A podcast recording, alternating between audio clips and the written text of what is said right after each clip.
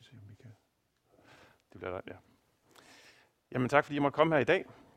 Øhm, jeg kan lige ganske kort fortælle, øh, at jeg kommer her fra byen. Det er ikke, i hvert fald ikke alle ansigter, jeg kender. Øhm, jeg plejer at komme her i huset om tirsdagen.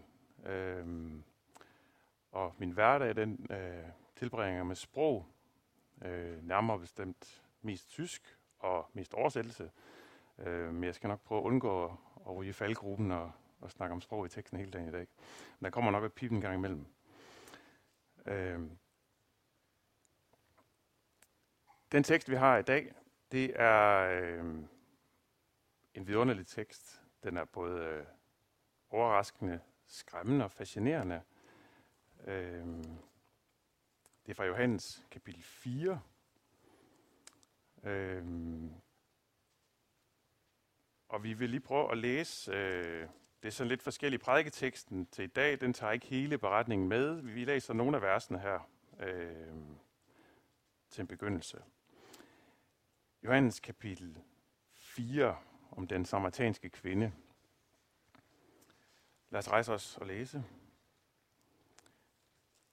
Da når Jesus fik at vide, at farisæeren havde hørt, at han vandt flere disciple og døbte flere end Johannes, det var ganske vist ikke Jesus selv, men hans disciple, der døbte, så forlod han Judæa og vendte tilbage til Galilea. Han måtte tage vejen gennem Samaria. Han kom da til en by i Samaria, der hed Sykar. I nærheden af det stykke jord, Jakob gav sin søn Josef. Der var Jakobs kilden. Træt af vandringen satte Jesus sig så ved kilden. Det var ved den 6. time. En samaritansk kvinde kom for at hente vand. Jesus sagde til hende, giv mig noget at drikke.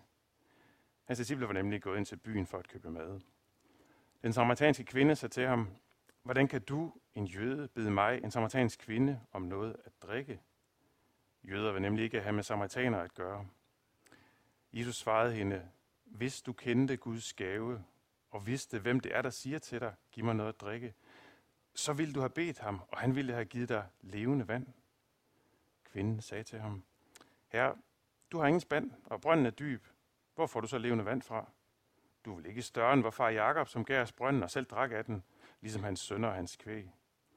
Jesus svarede hende, en hver, som drikker af dette vand, skal tørste igen. Men den, der drikker af det vand, jeg vil give ham, skal aldrig i evighed tørste. Det vand, jeg vil give ham, skal i ham blive en kilde, som vælger med vand til evigt liv. Kvinden sagde, Herre, giv mig det vand, så jeg ikke skal tørste og gå herud og hente vand. Han sagde til hende, gå hen og kald på din mand og kom herud. Kvinden svarede, jeg har ingen mand.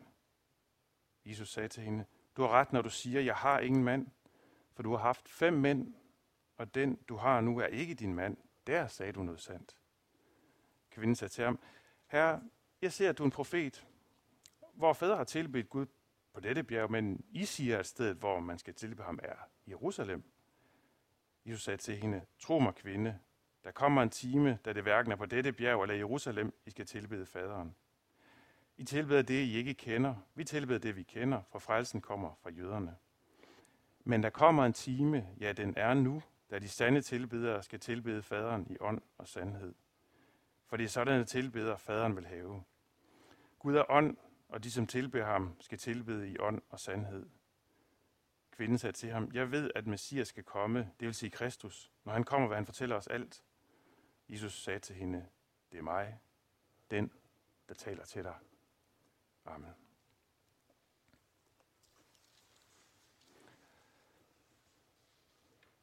Der er så mange elementer i den her tekst, så vi kunne godt øh, tale sammen i timevis om den. Men øh, vi nøjes med at dykke ned i nogle enkelte steder, og så kigge nærmere på dem. En del af jer vil helt sikkert kende den her historie, andre måske ikke så godt, øh, den beretning her.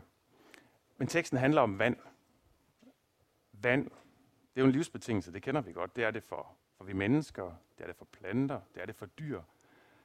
Øhm, og vand på vores breddegrader, i hvert fald her, hvor vi er, det er jo noget, vi har masser af, og jævnligt alt for meget af. Men hvis vi sammenligner med det sted, hvor dagens tekst foregår, så er vand en knap ressource. Øhm, noget, der er mangel på, og noget, som er grund til stridigheder, til krig også rundt omkring i verden, øh, på grund af vand. Og det er måske i det lys, vi skal se det i dag, hvorfor vand er så vigtigt. Øh, Det er det især de her steder, hvor der er mangel på det. Du må godt sætte den første på. Jesus var i Judæa, altså hernede ved cirka ved 4-tallet, eller øh, 6-tallet, i, i den del af landet, og øh, nu bestemte han sig så for, at han ville tage nordpå, øh, op til Galilea, hvis vi kigger på 3-tallet deroppe. Øhm, og så står der, at han tog igennem Samaria, og det er jo meget logisk for os, når vi kigger, fordi det ligger ligesom i en lige linje på vej opad. Øhm, men der var det, at de her samaritanere, som boede i Samaria, det var et blandingsfolk. Det var nogen, som øh, var blandet sammen af tidligere jøder og nogle hedninger, og så blev sådan et, et blandingsfolk. Og de troede på Israels Gud og på nogle andre guder samtidig med. Så de er så lidt ligesom danskere. Ikke? Vi tror på lidt på Gud og lidt på os selv, og måske også lidt på nogle andre ting. Øhm, men for jøderne her, en god jøde tog faktisk gerne omvejen, øh, ikke op til pilen, men ud mod, måske ud mod femtallet, og så over Jordanfloden to gange, for at komme udenom Samaria som god jøde, om ikke skulle igennem det her blandingsfolks land. Men Jesus havde noget, han skulle her. Derfor så står der, at han måtte tage den vej gennem Samaria, Samaria, Samaria gennem Samaria. For der var en, han skulle møde. Det vidste han. Det var en foragtet kvinde, måske en af de allermest foragtede, der var i hele byen. Alene det, at hun var kvinde, det var noget, som gjorde, at på dengang så på rangstigen var man ret langt ned over betydningsfulde personer. Og så var hun nok også det, vi kunne kalde en løsagtig kvinde, eller måske i dag en prostitueret. Øhm, et menneske på bunden af samfundet. Og det var en, som andre ikke ville have med at gøre, øhm, eller også havde hun selv lukket sig ude på grund af sit liv. I hvert fald det med, at man tager ud i den 6. time, som der står kl. 12 om middagen, øh, for dem, der har været på de prædikater, så ved det er det tidspunkt, hvor man ikke er ude. Slet ikke ude for at slæbe og arbejde. Hun kunne have gået med kvinderne om morgenen, hvor de havde socialt fællesskab, gik ud og hentet vand og talte sammen, måske tog hjem i hinandens hus, men det gør hun ikke. Hun kommer til middag, hvor hun ved, at der er tomt derude. Øh, så hun er på bunden. En, som andre ikke er sammen med. Og det er lige præcis hende, som Jesus vil møde af alle. Derfor måtte han tage den vej gennem Samaria. Så Jesus bryder de normer, som mennesker har sat op øh, for godt og hvad skal man sige, øh, anstændigt ved at tage den vej igennem. Og endnu mere, især fordi han taler til hende. Øhm, normalt så skulle en rabbi undgå så meget som at se på kvinder. Så ikke nok med, at han, han ligesom tilkendegiver, at han har set, at hun er der, men han taler til hende. Øh, og hvis vi sådan prøver at se det for os, øh, to mødes, to fremmede, og den ene siger, giv mig noget at drikke, så er det ikke, øh, vi kan jo ikke rigtig høre tonefaldet her, det kunne jeg godt have tænkt bare at høre tonefaldet her øh, i, i samtalen her. Vi kan ikke høre det, øh, men for en dansker i anno, anno 22, så vil vi sige, det er ikke særlig høfligt at starte med en kommando, starte en samtale med en kommando. Øh, og måske ikke mindst, når det er en mand, der kommanderer over en kvinde. Altså, det er, det er imod øh, alt, hvad der er god, god tone. Øh, Øhm, men vi bliver nødt til at lytte til det som, som omgangsformerne, og se på det som omgangsformerne har været dengang. At det usædvanlige, det er, at han overhovedet siger noget til hende. Øh, fordi et, som der står i vers 9 her, den amerikanske sinde sagde til ham, hvordan kan du, en jøde, bede mig, en samaritansk kvinde, om noget at drikke? Jøder vil nemlig ikke have med samaritaner at gøre. Det er de her steder, hvor Bibelen selv forklarer nogle af de øh, kulturelle ting, der var. Øhm, så både det, at, at, at han er jøde, og at hun er kvinde, de to ting, det er gør, det er, det er en kæmpe stor ting, at han overhovedet siger noget til hende. Så jeg tror faktisk ikke, hun er fortørnet over, at, at han, han beder hende om noget at drikke. Øh, men hun er forundret over, at han ser stort på de skæld, som mennesker har sat op. Til alle tider har sat op mellem det, som som man mener er gode og værdige mennesker, og dem, som er dårlige og uværdige mennesker. De skæld ser Jesus stort på. Og så svarer Jesus hende i øh, vers 10. Hvis du kendte Guds gave og vidste, hvem det er, der siger til dig, giv mig noget at drikke, så ville du have bedt ham, og han ville have givet dig levende vand. Lige når jeg læser det første, så, så, så, min første tanke, at Jesus ville sige, hvis du vidste, hvem der sagde det her til dig, så vil du skynde dig at gøre det, uden at stille spørgsmål. Tænk, at du får lov til at tjene sådan en, en stor herre. Men det er ikke det, Jesus han siger. Han siger noget, som er en invitation til en samtale, til at lære hinanden at kende. Han vil, at kvinden skal lære ham at kende. Det er det, der han egentlig siger, da han siger til hende, giv mig noget at drikke. For hun kender ikke Jesus, hun kender ikke Guds rige. Det kan vi se på den form, og nu bliver vi en lille smule sproglige ganske kort. Hvis du kendte, siger han til hende. Det er det, vi kalder konjunktiv. Og det er noget, der beskriver noget, som ikke er virkeligheden. Vi kender det godt. Hvis jeg havde en million, så ville jeg. Det her havde, det er også konjunktiv. Vi beskriver noget, som ikke er. Så han siger til en lidt indirekte, måske på en lidt pæn måde, du kender mig ikke. Man siger, hvis du kendte mig, men du kender mig ikke, Guds gave. Kan vide, hvad Jesus vil sige til dig, sige til mig, hvis du stod over for ham nu? Vil han også bruge det? Vil han sige, hvis du kendte mig? Her bagefter skal vi synge en salme, der hedder, Kender du den livsens kilde, hvorfra nådens strøm udgår? Så lad det her spørgsmål klinge undervejs.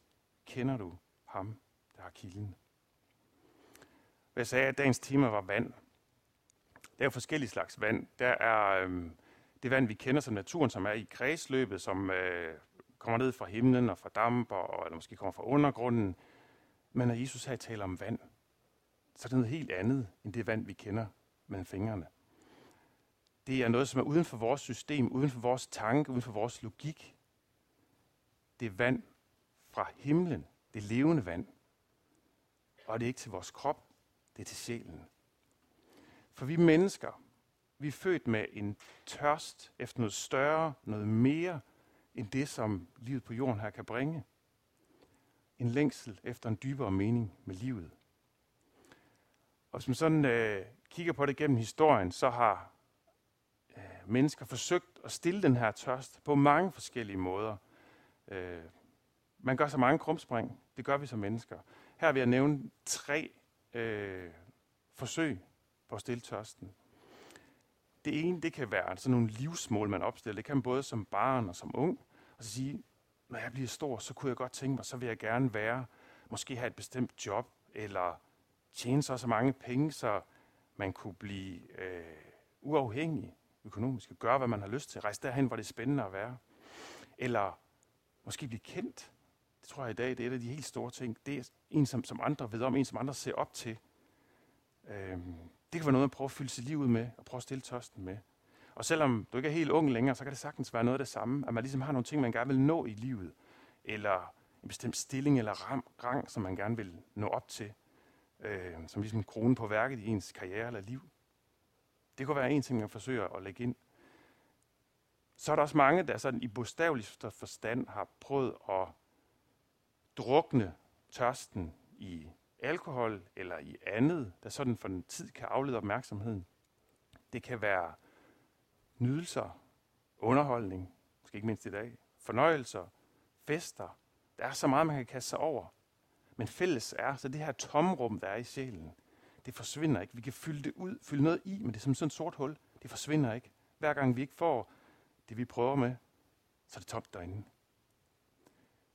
De to punkter først, jeg har nævnt, de har jo sådan handlet om, hvad, hvad jeg kan få ud af livet. Men man kan også godt prøve en anden vej, som er det tredje punkt, jeg vil nævne her. Og det er at gøre godt mod sine medmennesker. Øhm, og det kan umiddelbart virke meningsfuldt, og det er det også i et vist omfang.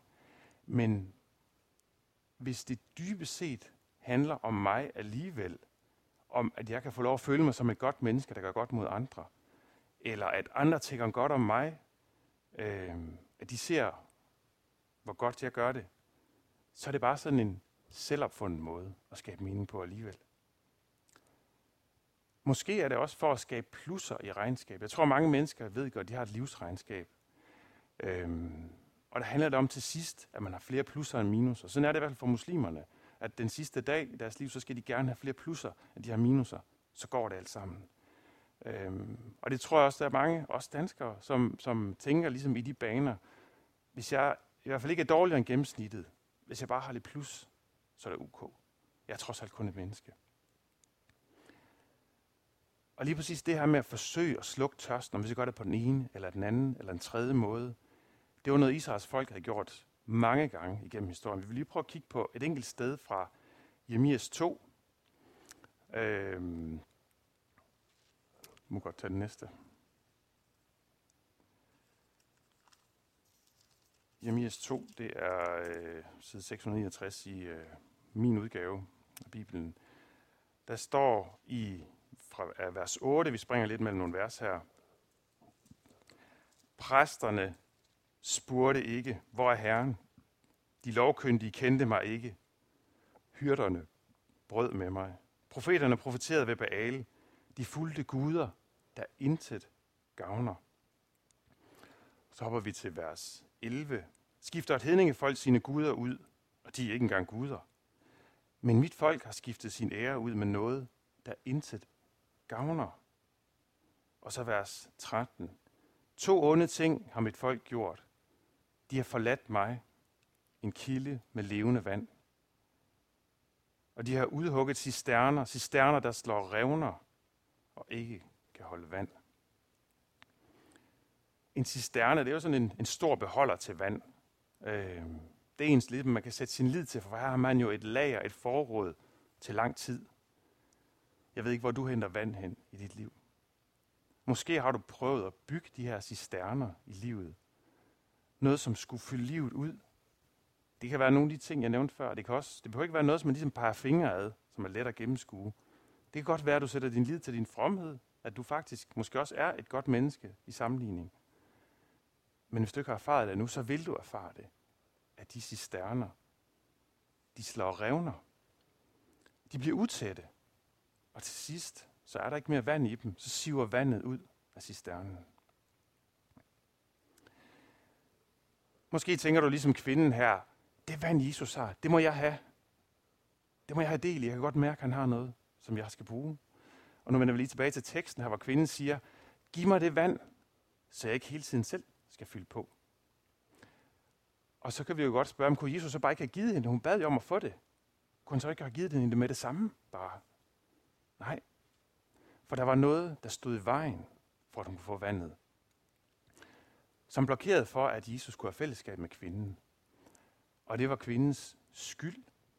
Den skyld, hun havde oparbejdet over for Gud igennem et liv, som var i strid med Guds bud, i lodret modstrid, for hendes vedkommende særligt på det seksuelle etiske område. Og Jesus han er meget direkte her, og det, øh, det kan man måske sige, det er også påfaldende. Øh, men han er meget direkte og siger til hende, hun siger, giv mig det vand, og han svarer, gå hen og hent din mand. Og kvinden, hun er åbenlyst ikke stolt af sit liv. Øhm, hun har ikke lyst til at udlevere sig selv, så derfor så siger hun, øh, det er ikke forkert, det hun siger vel. Jeg har ingen mand, så jeg er underforstået, jeg kan ikke hente ham. Og det er jo rigtigt nok. Og så tror jeg, hun håbede på, at vi måske kunne lade den ligge der. Men så fortsætter Jesus historien for hende. Nej, det er rigtigt. Du har ikke nogen mand. Du har haft, du er i gang med en sjette, og han er ikke engang din mand. Jesus kender det hele om hende. Og det er så overraskende for kvinden, og det vil det være for enhver, som møder Jesus, at han en fremmed, som ved alt om hende. Senere så går hun rundt i landsbyen og siger, kom og se en mand, som har fortalt mig alt, hvad jeg har gjort. Nu sagde jeg til at begynde med, at, teksten her også kunne være skræmmende, og det, det er nok det her sted, jeg tænker på, at øh, møde en, som kan fortælle mig alt, hvad jeg har gjort. Alle tanker, jeg har tænkt. For mig personligt, så er der mange linjer i den bog, som jeg ikke er stolt af, og som jeg også skammer mig over. De fleste af os vil nok føle os sådan moralsk vurderet hævet øh, et godt stykke over den her kvinde. Øh, vi kan ret let præstere et liv, som vi synes er pænere end det. Selv i dagens Danmark, så tror jeg, der er mange, der vil lidt rynke på næsen af at har haft seks forskellige øh, partnere. Ikke alle, men, men alligevel en del. Men vi er bare ikke hævet over den her kvinde. For det kan vi se, når Jesus møder andre mennesker. Det er ikke fordi lige præcis det, hun har gjort, det er noget, som på, særlig, på en særlig måde udelukker hende fra Guds rige. Han gør ikke forskel, Jesus, på overtrædelsen af budene. Prøv at forestille dig, at du mødte Jesus. I får en snak, og, og, og du fornemmer, at han har noget vand, noget særligt, som, som, øh, som du gerne vil have. Så siger du, giv mig det levende vand. Og så sætter han fingeren på det ømme punkt i dit og mit liv. Det sted, hvor du og jeg lever i strid med Guds bud, med Guds vilje. Måske ved du allerede selv, har en fornemmelse af, hvor det er. Er det bagtagelse, sladder? Eller penge, det man kan få for penge, materialisme. Eller optagethed af status, er at være noget. Eller sex. Eller hårdhjertethed over for andre. Egoisme. Bitterhed over for Gud. eller mod andre mennesker, som måske har gjort dig noget. Helt ærligt, det har de. Hvis du mener, at du klarer dig ret hederligt, det kan vi godt have en, en tanke om, så vi opfordrer dig til at øh, prøv at læse de 10 bud med Luthers forklaringer til, og så grunde over dem. Tag dem et ad gang, og så grunde over dem. Man kan blandt andet finde dem øh, om bag i salmebogen, hvis ikke man lige har Luthers katekisme stående på hylden. Det er, det er nok mange, der ikke har. Men de står også om bag salmebogen. Prøv at gøre det. For kvinden, som jeg nævnte her, der er det hendes særlige problem. Det var det sjette bud. Og det lyder, du må ikke bryde ægteskabet, eller i den gamle oversættelse, du må ikke bedrive hår. Og formålet det er at beskytte ægteskabet som en, en gudgiven og en livslang ordning. Og så handler det også om sex uden for ægteskabet. Man behøver ikke se sig voldsomt meget om i det danske samfund for at kunne få øje på, hvor meget ulykke der er forbundet med, at halvdelen af ægteskaberne går i opløsning. Og det kunne man sige meget mere om, det vil jeg ikke gøre i dag, men det her det er helt sikkert et underliggende tema, som er i teksten. Men nu hvor Jesus har afsløret kvinden her, øh, så prøver hun faktisk stadigvæk, som jeg læser det, så prøver hun at snakke udenom. Han har sagt til hende at på, her er det egentlige problem i dit liv.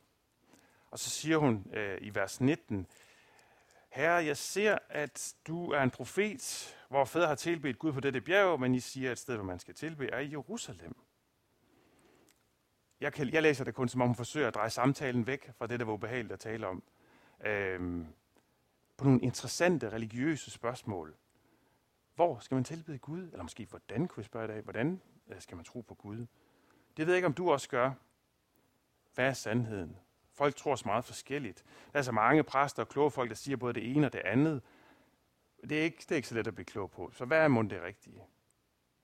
Men Jesus er, han ser igennem alle udflugter, som hun har, al udenomsnak. Godt nok øh, besvarer han hendes spørgsmål, det hun egentlig spørger om her. Men han ender alligevel samme sted. Det handler om din relation til mig, siger han. Det er det, det handler om. Øh, nu opfordrer jeg til at læse de 10 bud, og så kan man spørge, hvorfor, hvorfor, øh, hvorfor så negativ en tilgang, det her med selvrensagelse. Og øh, det kan jo godt være både nedslående og ubehageligt at skulle konfronteres med det, man måske godt ved, man har gjort forkert. Men det er simpelthen fordi, at det kan stå i vejen for, at du kan få det levende vand fra Jesus. For det levende vand fra ham, det er lige præcis, at du kan komme af med den skyld. Slip fri af den, af den skam, men den skyld, som der er forbundet med at overtræde Guds bud, og som er forbundet med at gøre andre mennesker ondt.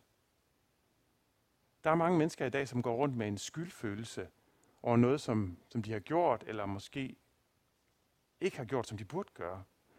Og man kan tage til psykolog og terapeut, men de kan ikke rigtig hjælpe med skylden. De kan godt hjælpe med forskellige andre redskaber i livet, det er godt. Men de kan ikke hjælpe med skylden. Man kan ikke rigtig blive den kvit. Det er som sådan en, en byrde, der ligger på en og tynger en. Og det levende vand fra Jesus, det er at blive befriet fra den skyld. Og lige præcis det, det, det kan kun ske hos ham, som har taget straffen for al verdens skyld. Og det står beskrevet i øh, et af de vers i Bibelen, som jeg, øh, altså betyder allermest for mig. Øh, vi prøver at få det frem her. Men han blev gennemboret for vores overtrædelser og knust for vores synder. Han blev straffet, for at vi kunne få fred.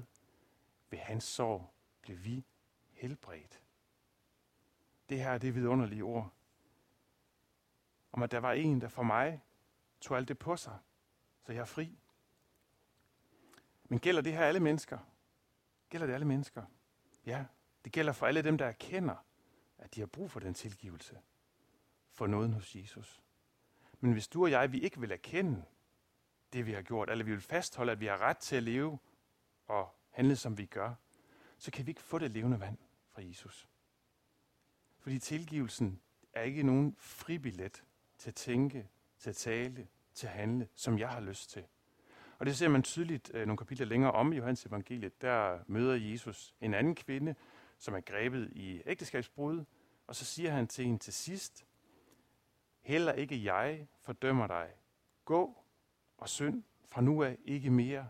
Han giver fuld tilgivelse og frisættelse til at leve et nyt liv. Det er to sider af samme medalje her. Der er et før og et efter, når man har mødt Jesus. Det er ikke sådan, at, at du med et slag er blevet en helgen, men din samvittighed har fået et nyt referencepunkt. Og det er ikke, hvad du selv synes, eller samfundet synes er rimeligt, men det er det, som Gud siger. Og så vil du opleve, at det alligevel ikke gik helt, som du ønskede. Du faldt i. Du ikke lever op til Guds krav.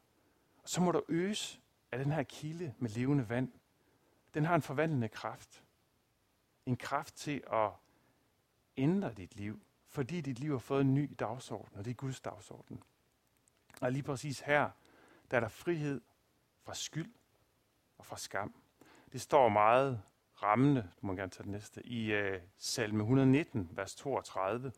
Der står, at den vej, du befaler ved at løbe, for du har gjort mit hjerte fri. Eller, som står i parentes, det er en gammel oversættelse. Du giver mit hjerte at ånde frit. Når skylden tynger et menneske, man skal se det for sig, så er det svært at ånde, når man har den her position. Men når Jesus sætter fri fra skyld, så kan jeg ånde frit. Og netop når jeg får lov til at modtage det levende vand her, når jeg får lov til at modtage det, så vil jeg gerne følge Guds bud. Det er sammenhængende. Ikke det modsatte, som vi gerne kan sætte op, at hvis jeg forbedrer mig et godt stykke hen ad vejen, så kan jeg begynde at slappe nogenlunde af. Det er modsat. Ved Jesus kan vi aflevere det, og med et slag åndefrit til et nyt liv. Og det her, det har langt større perspektiver. Vi mennesker, vi har en tendens til at kigge på det jordiske, vores eget liv, hvordan det skal forme sig. Men det her, det har et endnu større perspektiv. For perspektivet rækker ud over døden. Jesus sagde jo til kvinden her, det vand, jeg vil give ham, skal i ham blive en kilde, som vælger med vand til evigt liv. Det evige liv hos Gud, det begynder hos Jesus her på jorden.